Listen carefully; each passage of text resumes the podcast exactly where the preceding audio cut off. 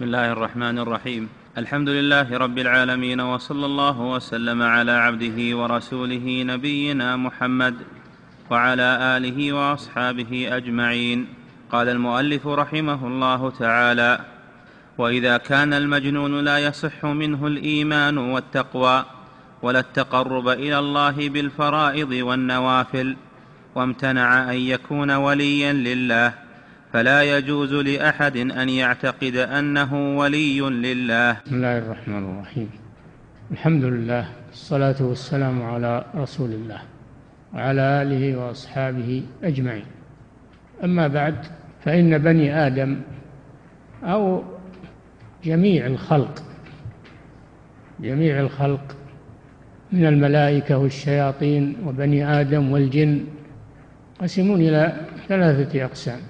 خصوصا بنو آدم وإلا الملائكة قسم واحد أولياء لله عز وجل. الرسل كلهم أولياء لله عز وجل. أما بنو آدم والجن يعني الثقلان الجن والإنس فهم على ثلاثة أقسام. قسم يكون وليا لله وهم المؤمنون المتقون. وقسم يكون عدوا لله وهم الكفار والمشركون والمنافقون. وقسم لا يوصف بأنه ولي لله ولا عدو لله وهم من ليس عندهم عقول كالمجانين والأطفال الذين ليس لهم عقول.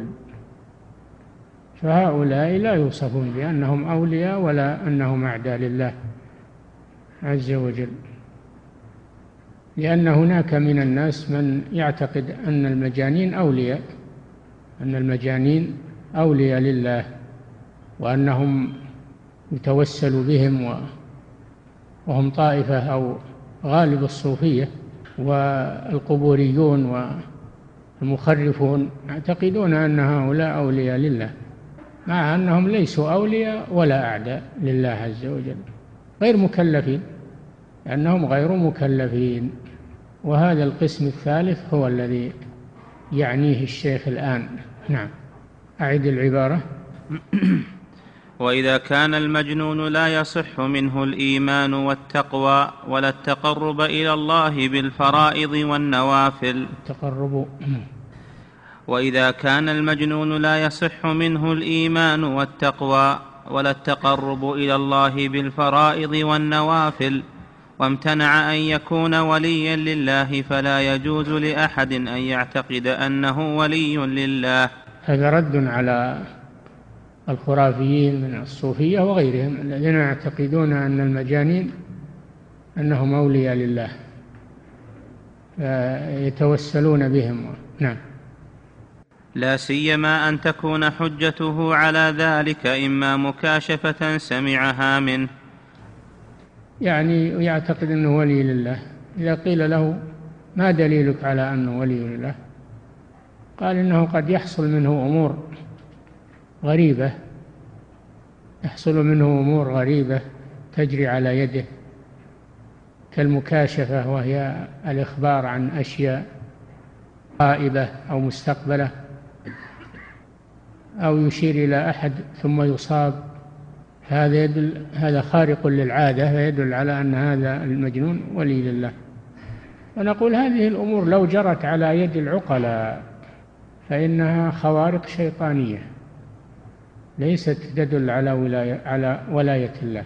فكيف إذا جرت على يد من ليس عنده عقل؟ فأولى ألا يوصف بأنه ولي لله. نعم. لا سيما أن تكون حجته على ذلك إما مكاشفة سمعها منه أو نوع من التصرف. نعم تصرف تصرفا غريبا فيظن أن هذه كرامة وأنه ومن كان عنده كرامة فهو ولي. نقول لا هذه ما هذه لا تعدو. أن تكون من خوارق الشياطين يجرونها على أيدي هؤلاء ولو جرت على يد عاقل ما عد من أولياء الله. ما دام أنه ليس, ليس من المؤمنين المتقين. كيف إذا جرت على يد غير مكلف؟ نعم. أو نوع من تصرف مثل أن يراه قد أشار إلى واحد فمات أو صرع هذا ما هو هذا من سبب الشياطين لأجل أن تلبس به على الناس. نعم.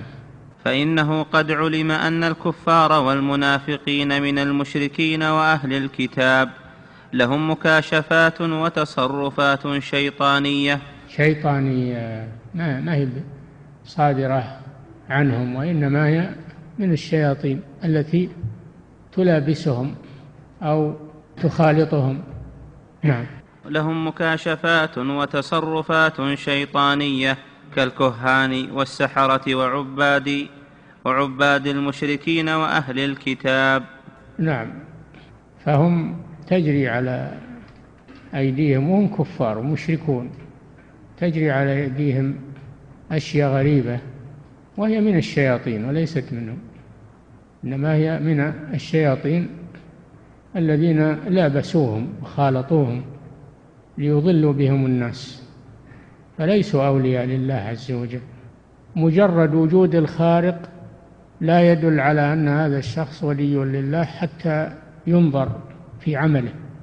فإن كان من المؤمنين المتقين فهو ولي لله وهذه كرامة جراها الله على يده. ما إن كان فاجرا كافرا مشركا فهذه خوارق شيطانية. ولذلك المشركون عندهم الكهان وعندهم المنجمون وعندهم من هذه الأنواع مع أنهم مشركون. نعم. فلا يجوز لأحد أن يستدل بمجرد ذلك على كون الشخص وليا لله وإن لم يعلم منه ما يناقض ولايه ما يناقض ولاية الله.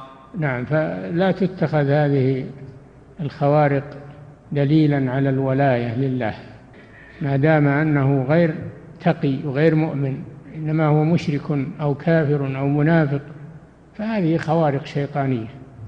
نعم. وإن لم يعلم منه ما يناقض ولاية الله فكيف إذا علم منه ما يناقض ولاية الله؟ نعم. هؤلاء الذين يدعون أنهم من أولياء الله يظهر عليهم من الكفر والفجور الشيء الكثير وتضييع الفرائض تضييع الفرائض وفعل الفواحش. لكن يقول لهم الشيطان ويقولون هؤلاء هؤلاء ليس عليهم تكليف. هؤلاء وصلوا إلى الله ورفعت عنهم التكاليف فهم أولياء لله. الشيطان يلبس عليهم يزين لهم الحجج. ونقول هؤلاء أولياء للشيطان وليسوا أولياء للرحمن. وهذه خوارق شيطانية تلبس بها الشياطين على الناس. فلا يغتر بها ولا تدل على ولاية الله وهم يعملون الشرك ويعملون الفواحش يستبيحون يقولون هؤلاء غير مكلفين ليس عليهم حلال ولا حرام كل شيء مباح لهم لأنهم وصلوا إلى الله التكاليف إنما هي على العوام. أما هؤلاء هؤلاء خاصة الخاصة. ترفع عنهم التكاليف ولا يحرم عليهم شيء. كذا يقولون. نعم. مثل أن يعلم أنه لا يعتقد وجوب اتباع النبي صلى الله عليه وسلم باطنا وظاهرا بل يعتقد أنه يتبع الشرع الظاهر دون الحقيقة الباطنة. يفرقون بين الشريعة والحقيقة. الشريعة للعوام وأما الحقيقة فهي للخواص. فعندهم شريعة وحقيقة. هذه تقسيمات أهل الباطل. لا فرق بين الشريعة والحقيقة. عند أهل الحق هم يفرقون بينهما. فيقول الشريعة للعوام وأما الحقيقة فهي للخواص. نعم. أو يعتقد أن لأولياء الله طريقا إلى الله غير طريق الأنبياء عليهم الصلاة والسلام. كما مر أنهم يقولون لسنا بحاجة إلى الأنبياء. الأنبياء إنما هم للعوام. أما نحن فلسنا بحاجة لأننا نأخذ عن الله.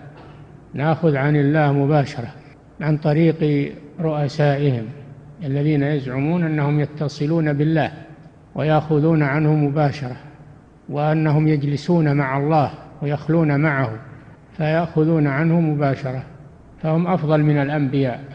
الذين يأخذون من طريق الوحي من طريق جبريل عليه السلام. كذا بلغ الكفر إلى هذا الحد بهؤلاء. ويقال هؤلاء أولياء؟ نعم. أو يقول إن الأنبياء ضيقوا الطريق أو نعم.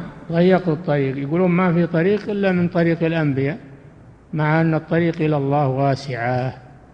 طريق الأنبياء ومن غيرهم بل من غيرهم أفضل. نعم. أو يقول إن الأنبياء ضيقوا الطريق أو هم على قدوة العامة دون الخاصة. أو الأنبياء إنما هم للعامة ما يعرفون الحقيقة ما لهم إلا الظواهر. فالأنبياء جاءت لهم فقط وأما هؤلاء فليسوا بحاجة إلى الأنبياء.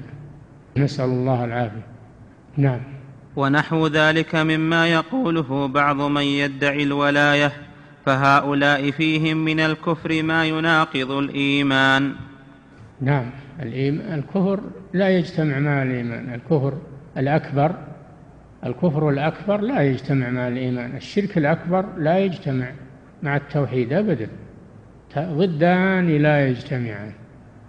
الله جل وعلا شرط في الولي أن يكون مؤمنا تقيا. كما قال تعالى ألا إن أولياء الله لا خوف عليهم ولا هم يحزنون الذين آمنوا وكانوا يتقون. هؤلاء هم أولياء الله. فمن لم يكن مؤمنا تقيا فليس هو من أولياء الله بل هو من أولياء الشيطان. وإن ظهر على يديه خوارق فهي خوارق شيطانية وليست كرامات. نعم.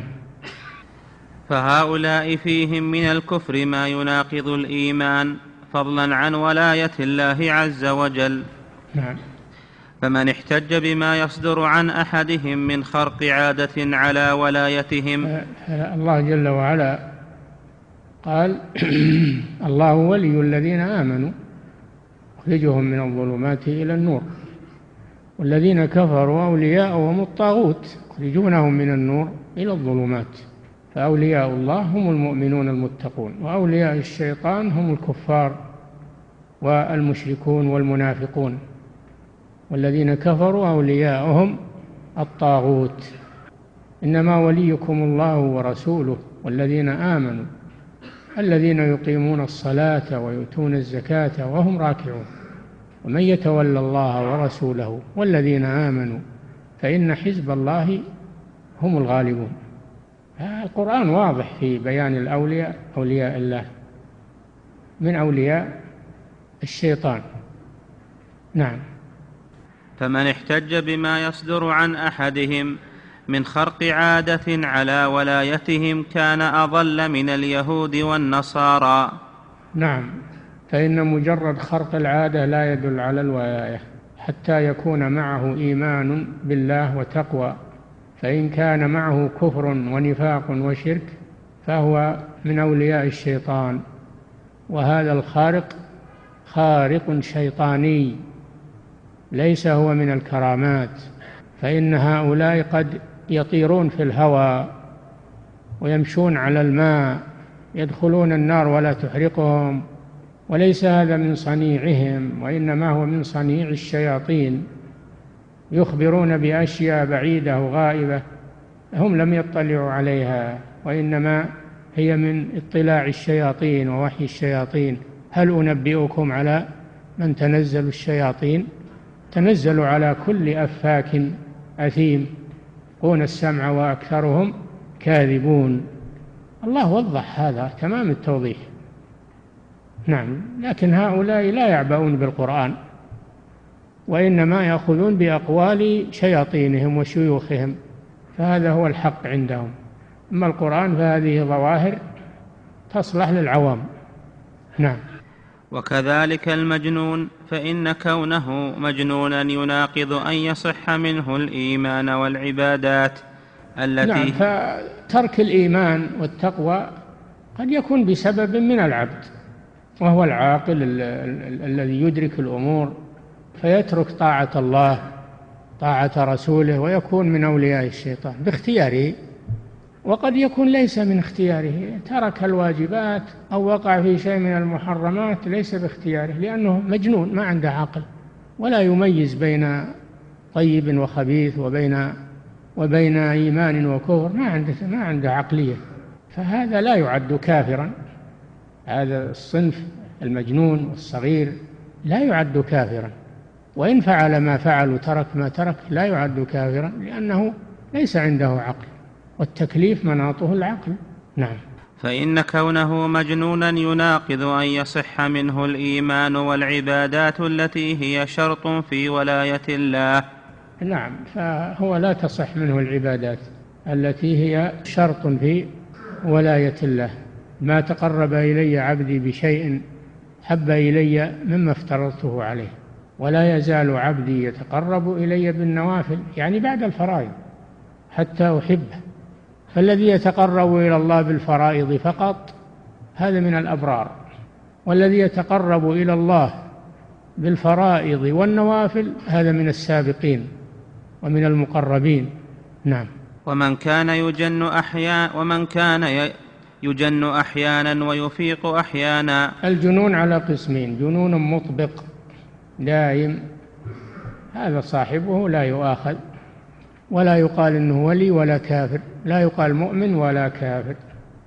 القسم الثاني جنون يأتي أحيانا ويذهب أحيانا فهذا في حال إفاقته وعبادته لله يكون وليا لله وفي حال جنونه وذهاب عقله لا يوصف بأنه ولي لله ولا عدو لله. نعم. ومن كان يجن أحيانا ويفيق أحيانا إذا كان في حال إفاقته مؤمنا بالله ورسوله ويؤدي الفرائض ويجتنب المحارم فهذا إذا جن لم يكن جنونه مانعا من أن يثيبه الله على إيمانه وتقواه الذي أتى به في حال إفاقته. لأن الله جل وعلا لا يضيع عمل عامل فعمل الذي يجن أحيانا لا يبطل بالجنون بل يحتسبه الله له ويجزيه عليه. نعم. ويكون له من ولاية الله بحسب ذلك. يكون وليا لله في حال إفاقته وتقواه وعمله الصالح وإذا جاءه الجنون ارتفع عنه التكليف فلا يؤاخذ ولا يكون وليا لله في حال جنونه. ولا يكون عدوا لله أيضا. نعم.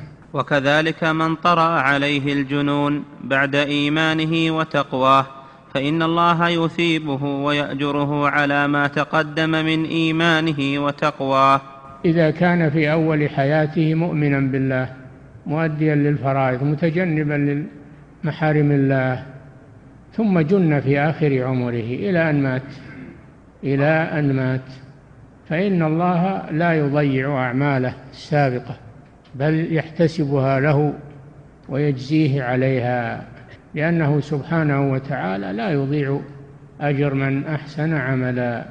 ولا تبطل الأعمال إلا بالشرك ولو أشركوا لحبط عنهم ما كانوا يعملون. لا تبطل إلا بالشرك والكفر والردة. أما الجنون فإنه لا يبطل الأعمال. نعم. ولا يحبطه بالجنون الذي ابتلي به من غير ذنب فعله والقلم مرفوع عنه في حال جنونه. فلا يثاب ولا يعاقب. نعم. فعلى هذا فمن أظهر الولاية وهو لا يؤدي الفرائض ولا يجتنب المحارم بل قد يأتي بما يناقض ذلك. لم يكن لأحد أن يقول هذا ولي لله. لم يكن لأحد من أهل العلم والبصيرة بل حتى ولا العوام الذين عندهم إيمان وعقيده ما يقولون إن هذا ولي لله وهو يفعل المحارم ويترك الفرائض. إنما يقول هذا أهل التخريف وأهل الباطل. نعم.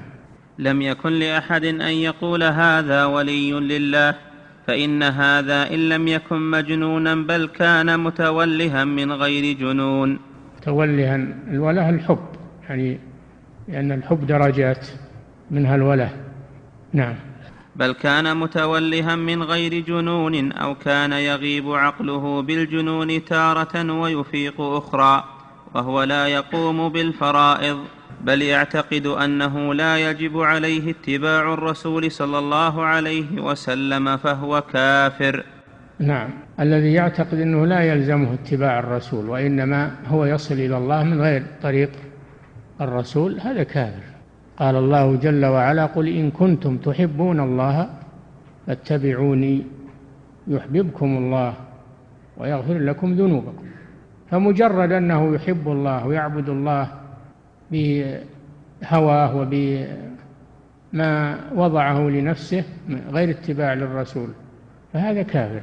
ولو كان بزعمه أنه يعبد الله ويتقرب إلى الله لأن عمله غير صحيح. قال صلى الله عليه وسلم من عمل عملا ليس عليه أمرنا فهو رد. إن كنتم تحبون الله فاتبعوني يحببكم الله فلا طريق إلى الله إلا باتباع الرسول صلى الله عليه وسلم. في هذا رد على هؤلاء الذين يقولون لسنا بحاجة إلى اتباع الرسول. نحن نعرف ونصل إلى الله بدون بدون الرسول. هذا لا شك أنه من أكفر الناس وأشد الناس ضلالا. نعم. وإن كان مجنونا باطنا وظاهرا قد ارتفع عنه القلم. هذا قد ارتفع عنه القلم ولا يقال إنه كافر ولا مؤمن ولا ولي ولا عدو. غير مكلف هذا. نعم. فهذا وإن لم يكن معاقبا عقوبة الكافرين فليس هو مستحقا لما يستحقه أهل الإيمان والتقوى من كرامة الله عز وجل. هذا لا يلحق بأهل الإيمان وأهل التقوى وإن كان غير مكلف وإن كان غير مكلف مرفوع عنه القلم فإنه لا يلحق بعباد الله المؤمنين المتقين ويكون منزلتهم. لا يكون في منزلة أهل الإيمان وأهل العمل وأهل الجهاد في سبيل الله عز وجل. نعم. فلا يجوز على التقديرين أن يعتقد فيه أحد أنه ولي لله. هذا رد على الذين يتخذون المجانين والمجاذيب يتخذونهم أولياء لله عز وجل. نعم. ولكن إن كان له حالة في إفاقته كان فيها مؤمنا بالله متقيا. هذا مر قريبا نعم. كان له من ولاية الله بحسب ذلك. وإن كان له في حال إفاقته فيها فيه كفر أو نفاق أو كان كافرا أو منافقا. ثم طرأ عليه الجنون. فهذا فيه من الكفر والنفاق ما يعاقب عليه. نعم في فرق بين مجنون المؤمنين ومجنون الكفار. مجنون المؤمنين لا يبطل عمله الذي عمله قبل الجنون كما سبق. مجنون الكفار إذا كان قبل جنونه كافرا بالله يفعل الفواحش والمحرمات والشرك ثم جن فإنه في حال جنونه لا يؤاخذ لكن في حال إفاقته يؤاخذ على كفره وشركه بالله عز وجل. نعم. وجنونه لا يحبط عنه ما يحصل منه حال إفاقته من كفر أو نفاق. لا يكفر الله به ما يحصل في حال إفاقته من كفر ونفاق. لأنه إنما ترك الكفر لأنه عجز عنه لأنه عجز عنه وأصابه ما أصابه فهو لا يزال كافرا ولا يعتبر ما أصابه من الجنون مكفرا عنه الكفر الذي حصل منه والمعاصي السابقة. نعم. فصل وليس لأولياء الله شيء هذا مبحث مهم جدا وهو أن تعرف الرد على هؤلاء الذين يتخذون المجانين يتخذونهم أولياء لله عز وجل. فهؤلاء المجانين إما أن يكونوا مجانين مسلمين أو مجانين كفار. مجانين المسلمين على قسمين. من جنونه مطبق في كل حياته وكل عمره هذا لا له ولا عليه. لا له ولا عليه. أو جنونه حادث وليس مطبقا لكنه يعبد الله في حال إفاقته وعقله. فهذا ثم يصاب بالجنون فهذا يثاب على أعماله الصالحة التي عملها قبل الجنون. فله من ولاية الله بقدر ما عمل في حال إفاقته. أما مجنون الكفار فهو على قسمين. آه، مجنون الكفار إذا كان يعني جنونه مطبق هذا مثل الأول ولو كان من الكفار ما يحاسب لأنه ما حصل من كفر ولا شرك. لكن إذا كان في حال إفاقته يكفر بالله ويشرك بالله ويفعل الفواحش فهذا كافر ويعاقب على كفره وشركه في حال إفاقته ولا يكون جنونه مكفرا لما حصل منه. نعم. فصل وليس لأولياء الله شيء يتميزون به عن الناس في الظاهر من الأمور المباحات. هذا مهم جدا لأن هؤلاء المخرفين يتخذون علامات ويجعلون للأولياء علامات تميزهم باللباس وفي المنزلة وفي ويصنعون حولهم هالة من التقديس والتعظيم. وأما أهل السنة وأهل الجماعة والمؤمنون فليس لأولياء الله عندهم علامة. يختفون. أولياء الله قد لا يعرفون. لأنه ولي الله على الحقيقة ما يحب أنه يعرف ولا يلبس لباس خاص يقول للناس أنا ولي أو يتميز بشيء يقول أنا ولي. إذا فعل هذا فهذا رياء هذا رياء ينقص ولايته أو يبطلها. فليس لهم لباس خاص ليس لهم آه، زي خاص كما يفعله المخرفون بل قد لا يعرف. قال صلى الله عليه وسلم رب أشعث أغبر. مدفوع بالأبواب. لو أقسم على الله لأبره بل أخبر صلى الله عليه وسلم أنه لو شفع لم يشفع وإن خطب لم يزوج وهو من أولياء الله المتقين فهو لم يتميز ولم يظهر عمله ولم هذا دليل على إخلاصه دليل على إخلاصه لله عز وجل. أما اللي يظهر نفسه أو يظهرونه الناس ويعمل له هيلمة هذا ليس دليل على ولايته لله عز وجل. نعم فليس الولاية بالعلامات إنما الولاية بالإيمان بالله والإيمان في القلب والأعمال التي يعملها لا يقصد بها الرفعة والرياء والسمعة إنما يقصد بها وجه الله. صفته التواضع صفته التواضع لا التكبر والعجب بنفسه. هؤلاء هم أولياء الله. وهذه فائدة عظيمة فائدة عظيمة تبين أنه ليس لأولياء الله علامات يعرفون بها بل ربما أنهم يخفون أنفسهم ويتواضعون ويعتبرون أنفسهم مقصرين في حق الله سبحانه وتعالى لا يعجبون بأعمالهم ولا بمظاهرهم. ولهذا قال صلى الله عليه وسلم إن من عباد الله من لو أقسم على الله لابره هؤلاء هم الأولياء. نعم. فصل وليس لأولياء الله شيء يتميزون به عن الناس في الظاهر من الأمور المباحات فلا يتميزون بلباس دون لباس إذا كان كلاهما مباحا. بل هم يلبسون مثل ما يلبس الناس أو أقل مما يلبس الناس. ما يحطون عمايم وكموم وساع ويحطون. قال هؤلاء أولياء. لا. مثل الناس مندمجين بالناس ما يعرفون. لكن قلوبهم عند الله سبحانه وتعالى. نعم.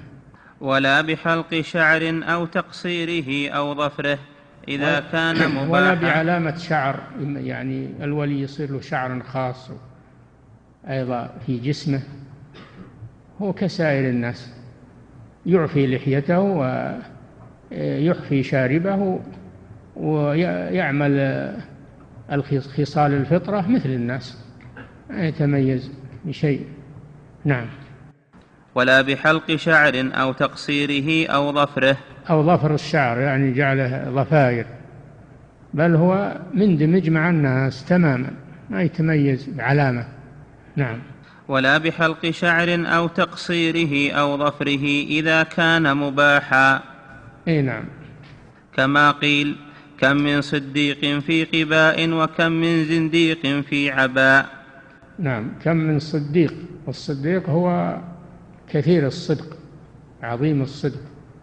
في في قبى يعني لباس متواضع ما يميزه عن غيره. وكم من زنديق في عباء يعني بلباس فخم ومظهر جميل لكنه زنديق. فليس هذا ليس الولاية تكون بالمظاهر إنما الولاية تكون فيما بين العبد وبين ربه سبحانه لا يعلمها إلا الله سبحانه. نعم. بل يوجدون في جميع أصناف أمة محمد صلى الله عليه وسلم. وأيضا الأولياء أولياء الله لا يكون في فريق خاص من الناس. يكونون في العلماء ويكونون في العوام ويكونون في التجار ويكونون في المزارعين. ما ما يتميزون. ألا يقال أن أولياء الله يقتصرون على عمل معين؟ لا يندمجون مع الناس. يطلبون الرزق مثل الناس. كلهم مزارعين يكونون مجاهدين في سبيل الله. يكونون علماء يكونون عواما من عوام أهل التوحيد. يكونون تجارا. تاجر ما هو بمعنى الولي إنه يترك التجارة ويعطونها الناس تقربون إليه بالأموال؟ لا هو يشتغل هو يشتغل. داود عليه السلام نبي الله وملك أيضا نبي وملك. عنده من الأموال الشيء الكثير. إنما يأكل من عمل يده عليه الصلاة والسلام. يصنع الدروع يبيع ويأكل من عمل يده. ما يأخذ من, من بيت المال اللي متوفر عنده ما يأخذ منه شيء. هذا ولي الله. ولهذا قال صلى الله عليه وسلم إن أطيب ما أكل العبد من عمل يده وإن داود عليه السلام يأكل من عمل يده مع أنه ملك. ونبي. نعم. بل يوجدون في جميع أصناف أمة محمد صلى الله عليه وسلم إذا لم يكونوا من أهل البدع الظاهرة والفجور. فيوجدون في أهل القرآن وأهل العلم ويوجدون في أهل الجهاد والسيف. نعم. يكونون مع المجاهدين. نعم. ويوجدون في التجار والصناع والزراع. وقد ذكر الله أصناف أمة وقد ذكر الله أصناف أمة محمد صلى الله عليه وسلم في قوله تعالى إن ربك يعلم أنك تقوم أدنى من ثلثي الليل ونصفه وثلثه وطائفة من الذين معك والله يقدر الليل والنهار. علم أن لن تحصوه فتاب عليكم. فاقرؤوا ما تيسر من القرآن. علم أن سيكون منكم مرضى. وآخرون يضربون في الأرض يبتغون من فضل الله وآخرون يقاتلون في سبيل الله فاقرؤوا ما تيسر منه. نعم فالله ذكر في هذه الآية أن من أولياء الله من هم يضربون في الأرض يبتغون من فضل الله تاجرون إذا يسافرون للتجارة ولا يتركون قيام الليل. ما يتركون قيام الليل. بل يقومون الليل ويقرؤون ما تيسر من القرآن. ومنهم من يجاهد في سبيل الله قاتل الكفار لإعلاء كلمة الله ولا يترك العبادة وقيام الليل. فهذا فيه أن أولياء الله لا يختصون بطائفة معينة يكونون مع المجاهدين يكونون مع التجار الذين يضربون في الأرض يبتغون من فضل الله. نعم يكونون من العلماء من القراء. نعم. وكان السلف يسمون أهل الدين والعلم القراء فيدخل فيهم العلماء والنساك. القراء في عرف السلف هم العلماء ليس مجرد الذين يقرؤون القرآن فقط فالقراء في عرف السلف هم العلماء. قال أحد الصحابة لم نكن نتجاوز عشر آيات حتى نتعلمهن نتعلم معانيهن والعمل بهن. قال فتعلمنا العلم والعمل جميعا. هؤلاء القراء بالمعنى الصحيح. أما اللي يقرأ القرآن فقط ويجيد القراءات ويعرف القراءات السبعة والعشر لكنه لا يعمل بالقرآن. هذا ليس من أولياء الله. هذا ليس من أولياء الله. فأولياء الله أو أهل القرآن هم الذين يتلونه حق تلاوته. يعملون به ويتفقهون في معانيه ويتدبرونه. نعم. وكان السلف يسمون أهل الدين والعلم القراء فيدخل فيهم العلماء والنساك. يدخل القراء يدخل فيهم العلماء الذين جمعوا بين القراءة والعلم ويدخل فيهم النساك يعني العباد وإن لم يقرأوا القرآن. فمن آمن بالله وآمن بالرسول وآمن بالقرآن فهو من أهل القرآن ولو لم يكن حافظا له. ومن كان يحفظ القرآن ولكنه لا يعمل به فليس هو من أهل القرآن. نعم. ثم حدث بعد ذلك اسم الصوفية والفقراء. واسم الصوفية هو درج السلف الصالح القرون المفضلة ولم يحدث التصوف. إنما حدث التصوف متأخرا والتصوف في الأصل الاجتهاد في العبادة والزهد في الدنيا الزهد في الدنيا والاجتهاد في العبادة ولذا يسمون النساك الذين تفرغوا للعبادة والقراءة قراءة القرآن ولم يدخل فيهم بدع ولا شرك لم يدخل فيهم ابتداع ولا شرك وإنما شقوا على أنفسهم في العبادة فهؤلاء سلكوا مسلكا شاقا لم يؤمروا به لم يؤمروا به. فهو من جنس رهبانية النصارى. الله لم يأمرنا بالرهبانية والتشدد في العبادة لكن هؤلاء اجتهدوا فأخذوا هذا المنح وكانوا في أولهم عبادا عبادا متقشفين. ومتزهدين وإن لم يكن هذا مرغبا فيه لكنه لا ينقص أهله. ثم تطور التصوف وهكذا البدع. إذا تتطور تطور التصوف إلى أن خرجوا من الدين وصاروا ملاحدة. أهل وحدة الوجود وهل وعباد القبور وإلى آخره. فتطور التصوف في الأخير. ثم الشيخ بين سبب تسميتهم بالصوفية. ذكر الأقوال في ذلك ورجح أن الصوفية نسبة إلى الصوف لأنهم كانوا يلبسون الصوف من باب التخشن والتزهد.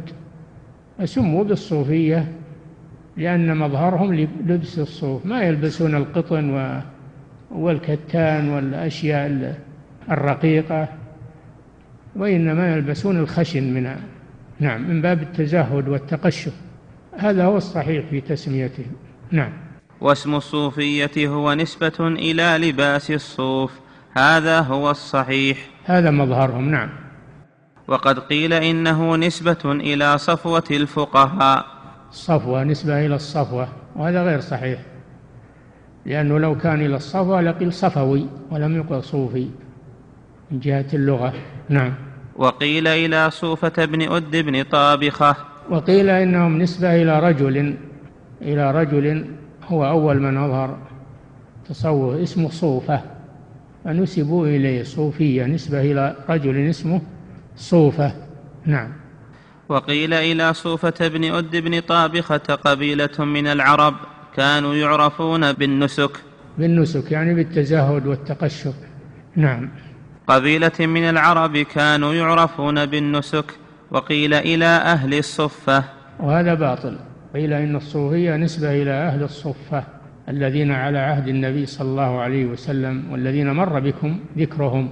وأن المراد بأهل الصفة فقراء الصحابة الذين ليس لهم بيوت ولا مأوى النبي صلى الله عليه وسلم جعل لهم صفة في المسجد يجتمعون فيها ويتصدق تصدق الناس عليهم. ومنهم من يشتغل بالنهار ويكتسب ويأوي إلى الصفة لأنه ليس له منزل. سموا بأهل الصفة. هؤلاء قالوا الصوفية نسبة إلى أهل الصفة. هذا غلط. بينهم وبين أهل الصفة فروق كبيرة. نعم. وقيل نسبة إلى الصفاء صفاء القلب.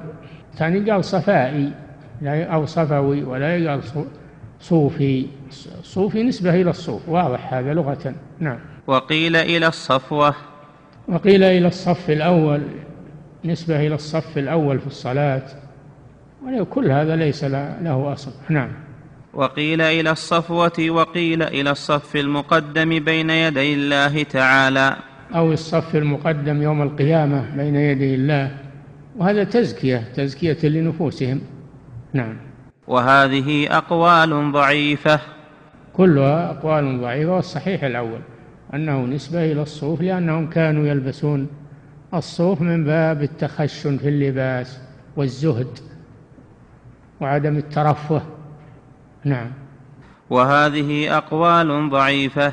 فإنه لو كان كذلك لقيل صفي أو صفائي. صفي يعني إذا نسب للصفة يقال صفي نعم. أو؟ أو صفائي. أو صفائي إذا قيل أنه نسبة إلى الصفاء نعم. أو صفوي. أو صفوي إذا كان نسبة إلى الصفوة. هذه الاشتقاقات اللغوية نعم. أو صفي. أو صفي إذا قيل أنه نسبة إلى الصف الأول نعم. فإنه لو كان كذلك لقيل صفي أو صفائي أو صفوي أو صفي ولم يقل صوفي. صوفي ظاهر أنه نسبة إلى الصوف. نعم. وصار أيضا اسم الفقراء يعنى به أهل السلوك وهذا عرف حادث. أيضا يسمون أنفسهم بالفقراء يسمون أنفسهم بالفقراء. والفقر على قسمين فقر بمعنى الحاجة وقلة ذات اليد والقسم الثاني فقر إلى الله سبحانه وتعالى. فكل الناس فقراء إلى الله ولو عندهم المليارات والملايين هم فقراء إلى الله. يا أيها الناس أنتم الفقراء إلى الله والله هو الغني الحميد. فلو كان عنده أموال طائلة فهو فقير إلى الله جل وعلا. نعم. وقد تنازع الناس أيما أفضل مسمى الصوفي أو مسمى الفقير. أي نعم بعضهم يقول فقراء ولا يقول صوفية الأمر سهل في هذا. نعم. لكن الفقير قد يكون معناه صحيح لأن الناس فقراء إلى الله عز وجل. لكن صوفي هذا ليس له معنى صحيح. نعم. ويتنازعون أيضا أيهما أفضل الغني الشاكر أو الفقير الصابر؟ هذه مسألة معروفة. أيهما أفضل الغني الشاكر أو الفقير الصابر؟ والإمام ابن القيم له كتاب في هذا اسمه عدة الصابرين. عدة الصابرين. بين رحمه الله أن أفضلهما أتقاهما لله أفضل أفضلهما الغني الشاكر أو الفقير الصابر أفضلهما أتقاهما لله. قال تعالى إن أكرمكم عند الله أتقاكم. نعم.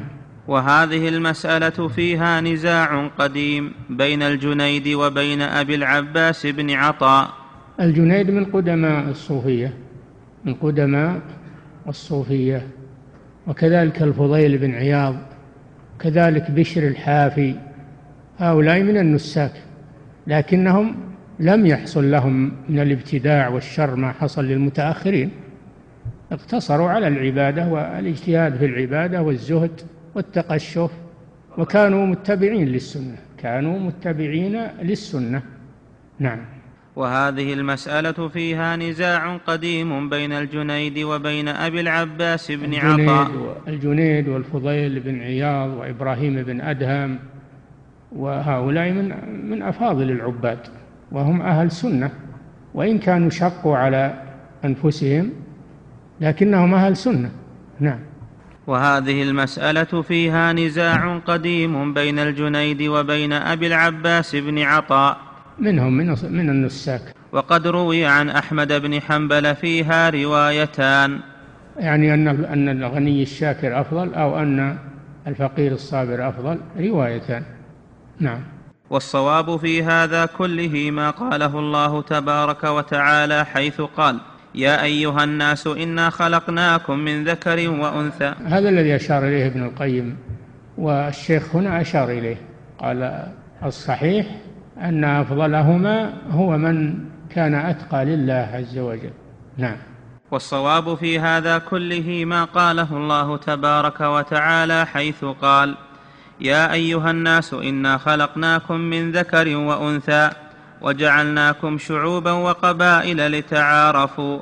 إن أكرمكم عند الله أتقاكم. إنا خلقناكم من ذكر وأنثى فكل بنو آدم يرجعون إلى ذكر وأنثى آدم وحواء فهم في النسب سواء إلى آدم. كلهم بنو آدم كلهم بنو آدم. جعلهم الله شعوبا وقبائل. قالوا الشعوب للعجم والقبائل للعرب. من أجل أي شيء؟ ما هي الحكمة؟ لتعارفوا. لتعارفوا. فدراسة النسب ومعرفة النسب من أجل التعارف وصلة الأرحام لا بأس به. أما دراسة النسب ومعرفة النسب لأجل الافتخار فهذا لا يجوز لا فضل لعربي على عجمي ولا لأبيض على أسود إلا بالتقوى. إذا ولهذا جاء في الحديث أن الفخر بالأنساب من أمور الجاهلية من أمور الجاهلية. والله لم يجعل الأنساب لأجل التفاخر وإنما جعلها لأجل معرفة النسب فقط وصلة الأرحام والتعارف. نعم. وفي الصحيح عن أبي هريرة رضي الله عنه عن النبي صلى الله عليه وسلم أنه سئل أي الناس أفضل؟ قال أتقاهم. قال أتقاهم. كما في الآية إن أكرمكم عند الله أتقاكم. لكن الذين يسألون الرسول صلى الله عليه وسلم لا يريدون هذا يريدون شيء آخر. نعم. قيل له ليس عن هذا نسألك؟ فقال يوسف نبي الله ابن يعقوب نبي الله ابن إسحاق نبي الله. نعم فهو نبي ابن نبي ابن نبي. نعم. فقيل له ليس عن هذا نسألك. قال عن معادن العرب تسألوني. يعني تسألوني أي العرب أفضل؟ أي قبائل العرب أفضل؟ قالوا نعم نعم. فقال عن معادن العرب تسألوني. الناس معادن كمعادن الذهب والفضة. خيارهم في الجاهلية خيارهم في الإسلام إذا فقهوا. إي نعم إذا أسلموا وفقهوا فهم خيار الناس فهم خيار الناس. نعم. فدل الكتاب والسنة أن أكرم الناس عند الله أتقاهم. نعم. وفي السنن يعني عن الرسول صلى الله عليه وسلم بدأ بالتقوى لما سألوه. نعم. وفي السنن عن النبي صلى الله عليه وسلم أنه قال لا فضل لعربي على عجمي ولا لعجمي على عربي ولا لأسود على أبيض ولا لأبيض على أسود إلا بالتقوى. كلكم لآدم وآدم من تراب. نعم. في الأصل مع متساوين كلنا بني بنو آدم. إنما التفاضل بالتقوى عند الله جل وعلا. أما الأنساب فإنها لا تقتضي ميزة على الناس. نعم. وعنه أيضا صلى الله عليه وسلم أنه قال إن الله تعالى أذهب عنكم عبية الجاهلية وفخرها بالآباء. الظاهر ان عبية عبية الجاهلية. م. نعم. وعنه أيضا صلى الله عليه وسلم أنه قال إن الله تعالى أذهب عنكم عبية الجاهلية وفخرها بالآباء. الفخر بالآباء إنما هو من أمور الجاهلية. الإنسان لا يفتخر بنسبه. ويحتقر الناس. نعم. إن الله أذهب عنكم عبية الجاهلية وفخرها بالآباء. الناس رجلان مؤمن تقي وفاجر شقي. فمن كان من هذه الأصناف أتقى لله فهو أكرم عند الله. وإذا استويا في التقوى استويا في الدرجة. فالعربي والعجمي من جهة الأصل سواء لكن قد يكون العجمي أفضل من العربي. بالتقوى. وقد يكون العربي أفضل من العجمي بالتقوى. انظر إلى سلمان الفارسي وبلال الحبشي وإلى صهيب الرومي وإلى الموالي في عهد النبي صلى الله عليه وسلم الذين من الله عليهم بالإيمان والعلم. صاروا سادة المؤمنين من السابقين الأولين من المهاجرين. بلال وسلمان بلال من المهاجرين. وسلمان كان بالمدينة لما هاجر النبي صلى الله عليه وسلم مملوكا ليهودي. ثم اشتراه النبي صلى الله عليه وسلم واعتقه. فلم يضره ما كون هذا فارسي وهذا حبشي ولم ينفع أبا جهل وأبا لهب أنهما قرشيان هاشميان لم ينفعهم نسبهم. النبي صلى الله عليه وسلم قال من بطأ به عمله لم يسرع به نسبه. نعم. ولفظ الفقر في الشرع يراد به الفقر من المال ويراد به فقر المخلوق إلى خالقه. نعم لأن العباد منهم من انتسب إلى الصوفية ومنهم من سمى نفسه أو سموا سموا بالفقراء بدل الصوفية. يقول الشيخ الفقر على قسمين فقر من المال يصير واحد ما عنده شيء إنما الصدقات للفقراء أو فقر إلى الله ولو كان عنده أموال الدنيا فهو لا يزال فقيرا إلى الله سبحانه وتعالى. نعم. ويراد به فقر المخلوق إلى خالقه كما قال تعالى إنما الصدقات للفقراء والمساكين. هذا الفقر من المال هذا الفقر من المال. نعم. وقال تعالى يا أيها الناس أنتم الفقراء إلى الله. هذا النوع الثاني من الفقر وهو الفقر إلى الله عز وجل. نعم. وقد مدح الله في القرآن صنفين من الفقراء أهل الصدقات وأهل الفيء. نقف عند هذا. نعم. أحسن الله إليكم صاحب الفضيلة وجزاكم الله خيرا. هذه أسئلة كثيرة أعرض على فضيلتكم ما تيسر منها. هذا السائل يقول هل هذه المقولة صحيحة؟ كل ما جاز أن يكون معجزة لنبي جاز أن يكون كرامة لولي.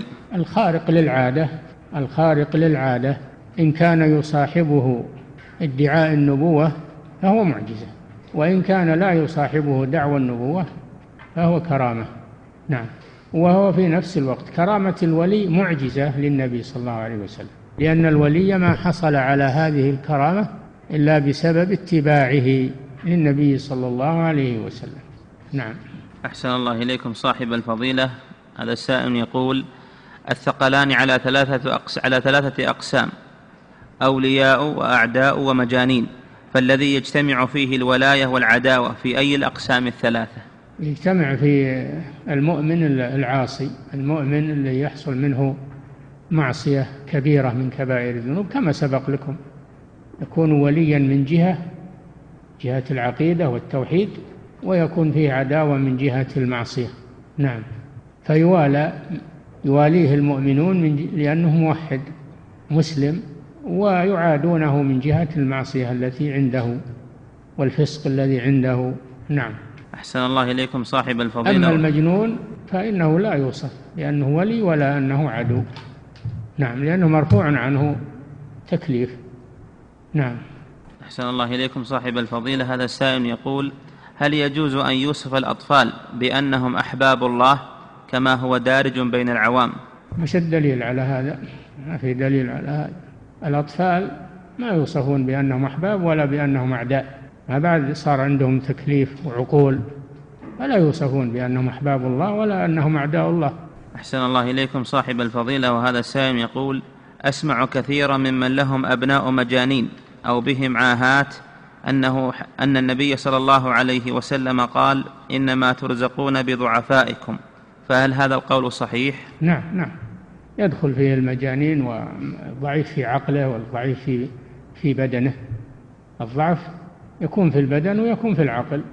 فالذي يحنو على الضعيف سواء في بدنه أو في عقله فإن هذا سبب للرزق وسبب للرحمة من الله. ارحموا من في الأرض ارحمكم من في السماء. نعم. أحسن الله إليكم صاحب الفضيلة وهذا سائل يقول الصبيان يعدون من قسم من لا يوصف بولاية ولا بعداوة وأنا يا صاحب الفضيلة عندما يحصل لي حاجة أو أو هم أطلب من أولادي أن يدعوا الله تعالى بتلك الحاجة بحجة أنهم لم يذنبوا فهم من الضعفة فهل هذا الفعل صحيح؟ نعم المميز تصح منه العبادة والدعاء. إذا كان مميزا يصح منه الدعاء وتصح منه العبادة ويتقبل الله منه ويثاب عليها هذا هذا طيب. وكانوا في الاستسقاء يخرجون الأطفال والبهائم من أجل أن تنزل الرحمة عليهم. نعم. أحسن الله إليكم صاحب الفضيلة وهذا سائل يقول ما قاله ابن صياد للنبي صلى الله عليه وسلم؟ لما قال له خبأت لك خبأ أو خبيئا فقال هو الدخ فقال عليه الصلاة والسلام اخس عدو الله فلن تعدو قدرك. هل ما قاله ابن صياد ناشئ من خارق شيطاني أم أنه المسيح الدجال وعنده بعض الأخبار في آخر الزمان؟ محتمل أقول محتمل. ولذلك لما طلب بعض الصحابة من النبي صلى الله عليه وسلم آه، استأذنه أن يقتل ابن صياد قال له لا خير لك في قتله. إن كان الدجال فلن تسلط عليه وإن كان ليس هو الدجال فلا خير لك في قتله. نعم. أحسن الله إليكم صاحب الفضيلة وهذا سائل يقول ما الذي يريده هؤلاء من التفريق بين الشرع الظاهر وبين الحقيقة الباطنة؟ يريدون أنهم ما يتقيدون بالظاهر إنما عندهم الباطن يعملون بالباطن. تعرفون الباطنية تعرفون الباطنية الذين يقولون إن الشرع له ظاهر وباطن. العوام يأخذون بالظاهر وأما نحن نأخذ بالباطن. فيفسرون الصلاة بأنها بغير تفسيرها ويفسرون الزكاة بغير تفسيرها ويفسرون أوامر الدين بغير تفسيرها يقولون هذه هذه بواطنها. نعم وهذا ما يعرفه إلا نحن. نعم ولذلك يسمون بالباطنية. نعم. أحسن الله إليكم صاحب الفضيلة وهذا السائل يقول في قول الصوفية إن الأنبياء ضيقوا الطريق. هل معنى ذلك أنهم يرون جميع الأنبياء طريقا إلى الله؟ نعم. يقول في قول الصوفية إن الأنبياء ضيقوا الطريق. هل معنى ذلك أنهم يرون أن جميع الأديان طريق إلى الله؟ إي نعم هو كذلك هو كذلك. يرون أن أن المقصود هو أن الإنسان يعرف الله يعرف الله وأنه يأخذ عن الله مباشرة وليس بحاجة إلى الأنبياء كما تكرر هذا ذكر هذا عند عندكم. وهذا له شبه الآن باللي يقولون أن العلماء والمطاوع ضيقوا على الناس. يقولون هذا شبه بقول هؤلاء ضيقوا على الناس. ليس ضيقوا على الناس؟ لأنهم يقولون هذا حلال وهذا حرام وهذا واجب وهذا. يقولون لا ما تضيقون على الناس أنتم. تشددون عليهم فكل قوم لهم وارث. وما أشبه هؤلاء بأولئك. نعم. أحسن الله إليكم صاحب الفضيلة وهذا السائل يقول هل يمكن أن يزيد الشخص مقامات ودرجات الولاية وكيف يكون ذلك؟ هل يمكن؟ أن يزيد الشخص مقامات ودرجات الولاية وكيف يكون ذلك؟ كيف يزيدها؟ ما يزيد إلا بموجب دليل من الكتاب والسنة. والأولياء ليسوا على حد سواء بعضهم أفضل من بعض. تلك الرسل فضلنا بعضهم على بعض إذا كان الله فضل بعض الرسل على بعض. وكذلك المؤمنون والأولياء بعضهم أفضل من بعض. وهذا سيأتي سيذكره الشيخ. نعم. أحسن الله إليكم صاحب الفضيلة. وهذا السائل يقول إذا طرأ الجنون على شخص وهو متزوج فهل تطلق منه الزوجة؟ لا. ما تطلق منه الزوجة لكن إذا طالبت بالفسخ دفعا للضرر عنها فإنها تفسخ. وإن انتظرت إن انتظرت لعله يفيق أو صبرت عليه فلا بأس. نعم. أحسن الله إليكم صاحب الفضيلة وهذا سائل يقول مجنون لكنه يصلي بعض الأحيان وهو في حالة جنونه هل يؤجر على صلاته؟ إذا كان يعقل الصلاة يؤجر عليه. أما إذا كان ما يعقل الصلاة ولا يدري عنها هذه حركات ما لها نية ولا قصد. نعم. أحسن الله إليكم صاحب الفضيلة وهذا السائل يقول المجنون الذي جن وكان عاقلا قبل لكنه تارك الصلاة هل يكون كفره على عمله قبل جنونه؟ كما سبق لكم أن الكافر الذي كان يكفر بالله في حال صحته ثم أصابه الجنون أنه لا يكفر عنه الكفر والشرك والمعاصي التي كانت قبل الجنون فلا يعتبر هذا من المكفرات بالنسبة له. نعم. أحسن الله إليكم صاحب الفضيلة وهذا السائل يقول شخص يعرف الدوام والراتب والزواج ويظهر أنه مجنون لكنه لا يصلي فهل هذا مرفوع عنه القلم؟ يعرف إيش؟ يعرف الدوام والراتب والزواج. أي. هذا يبين له يبين له ويدرس الدين وأمور الدين يعلم يكون أنه ما يدري. نعم. وهذا عنده إدراك ما دام يعرف الوظيفة ويعرف الراتب ويعرف الزواج عنده إدراك لكن يمكن أنه جاهل فيبين له. نعم ويلزم أيضا يلزم بالفرائض وينهى ويمنع من المحرمات. ما يترك كذا. نعم. أحسن الله إليكم صاحب الفضيلة. وهذا سائل يقول ما رأي فضيلتكم في تعريف الحافظ ابن حجر للولي حيث يقول المراد بأولياء الله هو المواظب على طاعته المخلص في عبادته فكل من كان تقيا كان لله تعالى وليا. صحيح هذا كلام طيب. هو المواظب على طاعة الله المتجنب لمعصيته وكل ما كان أكثر تقوى كان أكثر ولاية. كلام صحيح مأخوذ من الأدلة. نعم. أحسن الله إليكم صاحب الفضيلة. وهذا السائل يقول هل يحكم على مجنون المسلمين الذي جنونه مطبق أنه من أهل الجنة؟ الله أعلم. هذا أمره إلى الله سبحانه وتعالى. لا ندري. نعم. أحسن الله إليكم صاحب الفضيلة. وهذا السائل يقول إذا كان جنون المسلم باختياره وذلك بمعصية الله كالذي يتعاطى المخدرات حتى أصبح مجنونا بسبب هذه المخدرات. من أي قسم يكون؟ وهل يحاسب على ذلك؟ هذا ما هو مجنون. هذا أصيب بالمخدرات في أعصابه وفي تفكيره. أثرت عليه المخدرات. ما هو بجنون؟ فهذا يأثم على فعله لأنه جنى على نفسه. لأنه جنى على نفسه. لكن الآن في علاج أنهم يعالجون المبتلين بهذه الأشياء. قد يشفى بعضهم ويفيق و... الحمد لله ما دام في علاج فهذا يخفف. نعم. أحسن الله إليكم صاحب الفضيلة وهذا السائل يقول ما حكم ظفر الشعر؟ وهل فيه تشبه؟ ظفر الشعر إذا كان على السنة الواردة عن النبي صلى الله عليه وسلم ليس فيه شيء. أما إذا كان على شكل ما يعمله أهل الفسق والكفار هذا لا يجوز. من تشبه بقوم فهو منهم. نعم. أحسن الله إليكم صاحب الفضيلة وهذا السائل يقول إنسان يطيع الله ورسوله صلى الله عليه وسلم ولكن كثيرا ما تحدثه نفسه بأشياء ضد طاعة الله ورسوله وقراءة القرآن. فهل هذا من الشيطان أو أنه نفاق وكفر بالله؟ الوساوس من الشيطان وحديث نفس أيضا فعليه أنه يتركها.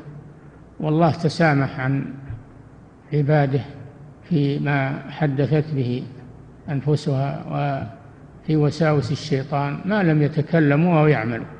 فإذا دفعوا هذا ولم يتكلموا به ولم يعملوا به فإنه لا يضرهم بإذن الله.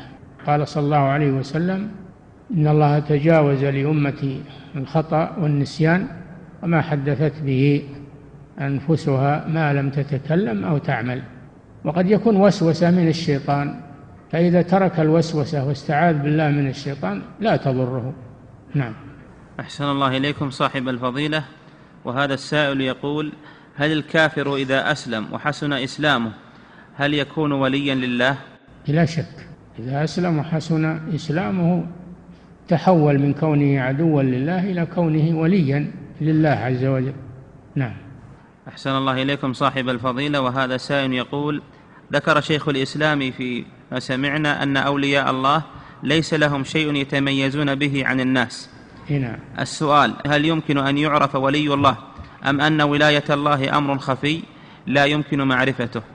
أمر خفي ولاية الله أمر خفي لأن بين العبد وبين ربه لكن قد يعرف بعلامات في كونه محافظا على طاعة الله مبتعدا عن معاصي الله ملازما للطاعة. هذا دليل على أنه ولي لله. نعم. ولا نجزم. نحن لا نجزم لأحد بولاية إلا بدليل. لكننا نرجو للمحسنين ونخاف على المسيئين. وإلا فنحن لا نزكي على الله أحدا. ولا نقول هذا ولي لله. وإنما تقول أحسبه والله حسيبه. أحسبه كذا. نعم. أحسن الله إليكم صاحب الفضيلة. وهذا السائل يقول ورد في أصول السنة للإمام أحمد بن حنبل أن جنس العرب أفضل من جنس العجم. ما معنى ذلك وما دليله؟ هذا مر بكم أظن مر بكم في اقتضاء الصراط المستقيم طال الشيخ عليه. فإن في أن جنس العرب أفضل من جنس العجم لأن العرب منهم الرسول صلى الله عليه وسلم وأنزل الله القرآن بلغتهم ميزهم على غيرهم. فمن حيث الجنس العرب أفضل من العجم. وأما من حيث الأفراد فقد يكون في العجم من هو خير من آلاف العرب من حيث الأفراد لا من حيث الجنس. فيها حديث في فضل العرابة ذكر الشيخ في اقتضاء الصراط المستقيم كلاما طويلا مستفيضا في هذا الأمر. راجعوا نعم. أحسن الله إليكم صاحب الفضيلة وهذا سائل يقول في قول النبي صلى الله عليه وسلم الناس رجلان هل فيه تخصيص للرجال فقط أم أنه للعموم؟ هو للعموم لكن يكون الخطاب أو الذكر للرجال ويدخل فيهم النساء. نعم. أحسن الله إليكم صاحب الفضيلة وهذا السائل يقول سمعت من بعض الطلبة أن الأفضل أن لا يقال تأليف الفقير إلى الله ويقول إن هذا فيه تشبه بالصوفية. فهل هذا القول صحيح؟ لا ما هو صحيح هذا اعتراف اعتراف بالفقر إلى الله عز وجل. أجل تبيه يقول تأليف ولي الله. لا هذا اعتراف بالفقر وتواضع. نعم. أحسن الله إليكم صاحب الفضيلة وهذا السائل يقول ما رأيكم في من يقول إن أصل معنى الصوفية هو التزهد في الدنيا أنه أمر طيب ولا شيء فيه ويعتبر هذا نقطة التقاء بين أهل السنة والصوفية؟ يعتبر هذا إيش؟ نقطة التقاء. لا شك أن الزهد طيب ومطلوب ولكن إذا تعدى الحدود تشدد على النفس فإنه لا يجوز. النبي صلى الله عليه وسلم لما سمع نفرا قال أحدهم لا أتزوج وقال الآخر لا آكل اللحم قال الآخر أنا أصوم ولا أفطر قال الرابع أنا أصلي ولا أنام أنكر عليهم النبي صلى الله عليه وسلم. فقال أنتم الذين قلتم كذا وكذا أما أما إني والله لأتقاكم لله وأخشاكم له وإني أتزوج وإني أصوم وأفطر وأصلي وأنام وأتزوج النساء وآكل اللحم من رغب عن سنتي فليس مني. وهذا سيأتيكم سيأتيكم إن شاء الله قريب. نعم. فالزهد إذا زاد لا يجوز. نعم. ولهذا قال فاستقم قال تعالى فاستقم كما أمرت ومن تاب معك ولا تطغوا ولا تطغوا تزيدوا في العمل. نعم. أحسن الله إليكم صاحب الفضيلة وهذا سائل يقول من هو السيد البدوي؟ وهل كان وليا أو كان لا يصلي؟ ترجم له في كتاب العقد الثمين في علماء البلد الأمين للفاسي مترجم له. ترجمة طويلة أن أصله من أهل مكة وأنه ذهب إلى إلى المغرب مر مر في مصر. نعم مر في مصر ويقولون إنه دخل في المسجد وبال فيه وخرج ولم يصلي الجمعة. قالوا هذا ولي لله.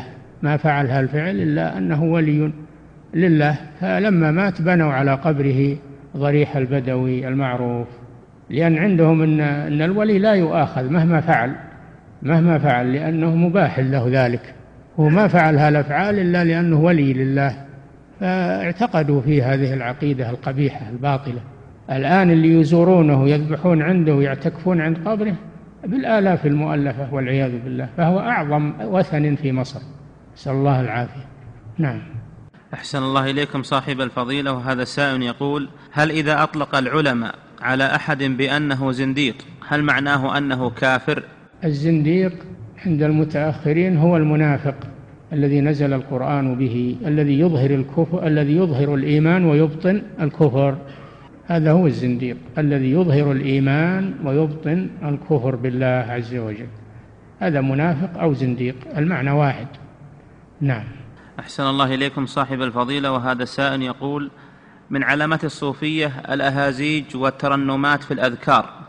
وسؤالي يا صاحب الفضيلة في الأذكار التي تكون عقب الصلاة المكتوبة حيث يقولها بعض المصلين على هيئة الترنم ويكون فيها على هيئة النغمة الملحنة فهل هذا الفعل جائز أم أنه تشبه بالصوفية؟